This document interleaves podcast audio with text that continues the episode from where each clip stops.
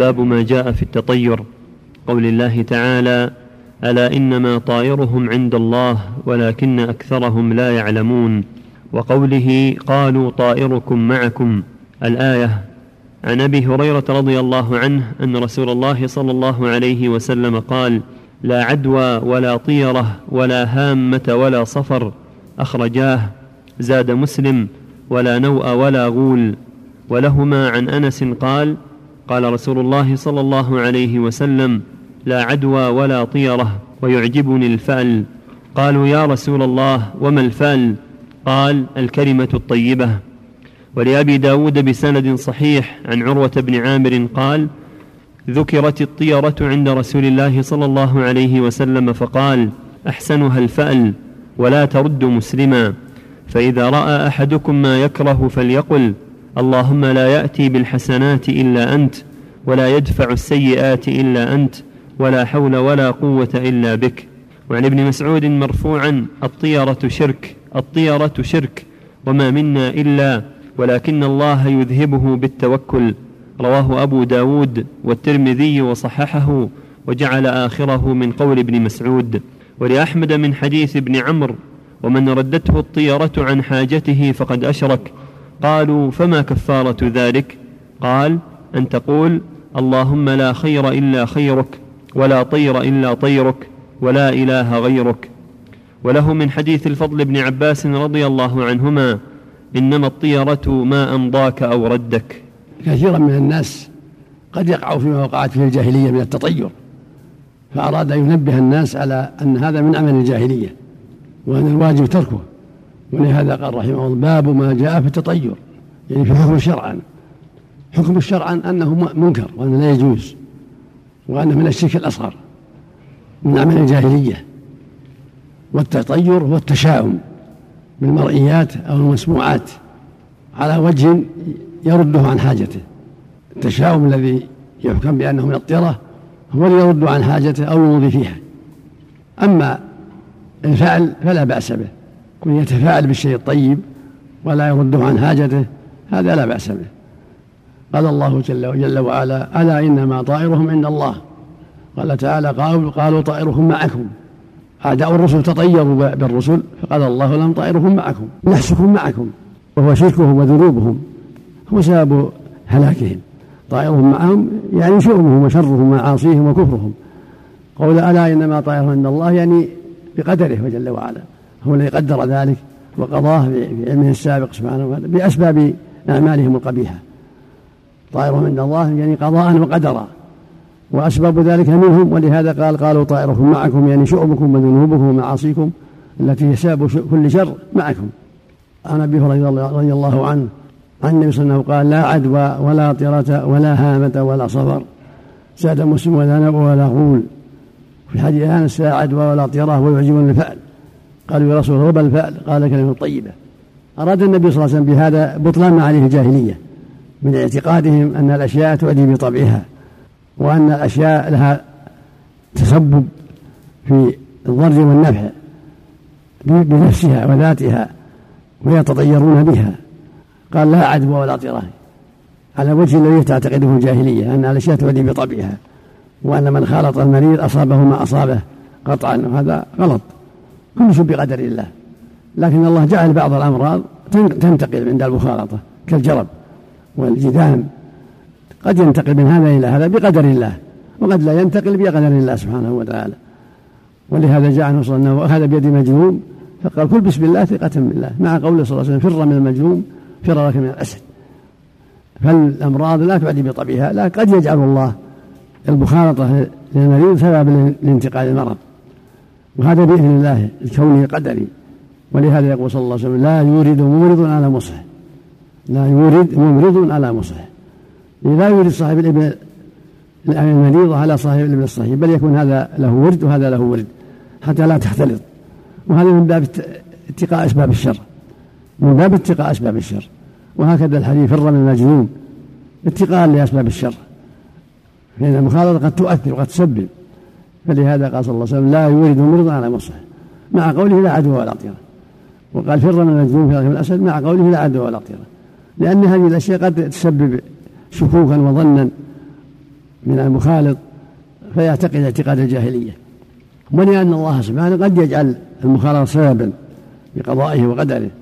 فالواجب على صاحب الإبل الجرباء أن يكون سقفها وحدها والصحيحة وحدها وأن ترعى هذه وحدها وهذه وحدها. بعدا عن أسباب الانتقال المرض. ولا هامة الهامة طائر يسمى البومة. إذا وقع على بيت أحدهم قالوا أنه يخرب الميت يخرب, يخرب البيت أو يموت صاحبه يتشعمون فأبطل الله ذلك. وأن الطير هذا الطير ما عنده خبر. وليس سبب خير ولا شر. فالطيور من بومة وغيرها ليست تسبب شرا ولا خير لا بومة ولا غراب ولا غيره. ولا صفر. الشهر المعروف. كان بعض الجاهلية يتشائم بصفر. ولا يتزوجون فيه بعضهم لا يسافر فيه فأبطل النبي صلى الله عليه وسلم التشاؤم بصفر وأخبر أنه كسائر الشهور ليس فيه لا ضر ولا نفع. وقال بعضهم منها دابته في البطن تسمى صفر والمشهور أنه صفر المشهور الشهر المعروف. ولا نوع النجم واحد النجوم واحد الأنواع. والغول نوع من الجن يتشكل للناس في الصحاري والمفاوز أبطلا لي اعتقاد الجاهلية في في الأنواع واعتقادهم في الجن وأنهم يفعلون ويفعلون وأن الأمر بيد الله جل وعلا. ولهذا يروى عنه صلى أنه عليه الصلاة قال إذا تغولت الغلال فبادروا بالأذان. والأنواع خلقها الله زينة للسماء وهجوما للشياطين وعلامات يهتدى بها ما عندها ضر ولا نفع. قال تعالى ولقد زينا السماء الدنيا من مصابيح وجعلناها رجوما للشياطين. قال تعالى وهو الذي جعلكم النجوم لتهتدوا بها. في ظلمات البر والبحر. قال تعالى وعلامات من النجم هم يهتدون. هي زينة للسماء ورجوم للشياطين وعلامات يهتدى بها ليس عندها ضر ولا نفع. وهكذا الغول. الجن يستعاذ بالله من شرهم كان بعض مخبلات الجن يعيذون الناس في الأسفار والصحاري ويروعونهم. فبين النبي صلى الله عليه وسلم أن ليس لهم تصرف إلا بإذن الله. واعتقاد الجاهلة فيها أنها تفعل وتفعل. بتصرفها غلط. كل هذا بإذن الله وقضائه وقدره. فإذا تأولت أو رأى شيء يجيبه من من الجن فليذكر الأذان يؤذن يذكر الله. فالأذان يطردها. إذا سمع الشيطان الأذان أدبر. فإذا تغولت الغلام ينبغي يعالج بالأذان والذكر. قول صلى الله عليه وسلم في حديث ابن مسعود في حديث عروة بن عامر لما عن الطيرة قال أحسنها الفعل يعني الفعل قد يشبه من بعض الوجوه لأنه يعني يسر المؤمن إذا سمع ما يسره. يشبه من بعض الوجوه. كالمريض يسمع من يقال من يقول يا مشافى يا معافى يا موفق فيفرح. هذا من باب التفاؤل ولا ترده عن حاجته. الفعل ما يرد عن الحاجة. ولهذا قال صلى الله عليه وسلم يعجبه من فعله.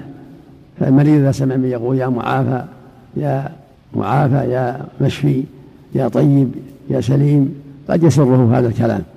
هكذا اللي يدور ضالة يطلب ضالة فيسمع إنسان يقول أبشر أو يا واجد أو أبشر بما تحب أو ما أشبه هذا فيسر بهذا ولكن لا ترده عن حاجة هذا فعل لا بأس به. ولهذا قال صلى الله عليه وسلم سئل فعل قال الكلمة الطيبة. في حديث عروة بن عامر أحسنها الفعل. فإذا رأى أحد ما يكره فليقول اللهم لا يأتي بالحسنات إلا أنت ولا يدفع السيئات إلا أنت ولا حول ولا قوة إذا رأى شيء يكرهه ويسوءه صوت يكرهها أو رؤيا يكرهها فليقول اللهم لا يأتي بالحسنات إلا أنت اللهم لا يأتي بالحسنات إلا أنت ولا يدفع السيئات إلا أنت ولا حول ولا قوة إلا في حديث عبد الله بن عمرو فليقول اللهم لا خير إلا خيرك ولا طير إلا طيرك ولا إله غيرك. يعني يأتي بالكلام الطيب والذكر الذي يرغم الشيطان ويدفع عنه ظن السوء. ويمضي في حاجته يمضي في حاجته. في حديث مسعود رضي الله يقول النبي صلى الله عليه وسلم الطيرة شرك الطيرة شرك لأنها نوع من التعلق بغير الله في قضاء الحاجة وردها. فهي شرك من هذه الحديث يعني شرك أصغر لأن نوع من التعلق على غير الله.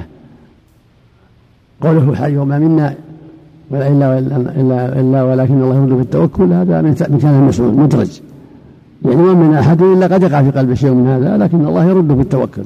الصحابة رضي الله عنهم وأرضاهم يعتمدون على الله ويثقونه ولا يلتفتون إلى ما قد يقع في نفوسهم من المكروهات. ولا يجوز للإنسان أن ترده الترة إنسان مثلا يخرج يسافر في صادفه عدو له في الطريق يشوفه أو يشوف دابة مقطوعة الذهب أو مقطوعة الآذان أو دابة ما تسره أو إنسان ما يسره ثم يرجع عن سفره. لا يمضي في سفره. لا ترده الطيرة يمضي في سفره ويقول ما شاء الله لا قوة إلا بالله ولا حول ولا قوة إلا ولا يرده ذلك إذا رأى أو سمع يكره بل يمضي في سفره ويتعوذ بالله من كل شر. في حديث الفضل إنما الطيرة ما أمضاك أو رده فالطيرة هي التي تمضيه ما أراد السفر أو ترده عن حاجته كما في حديث عبد الله بن عمرو.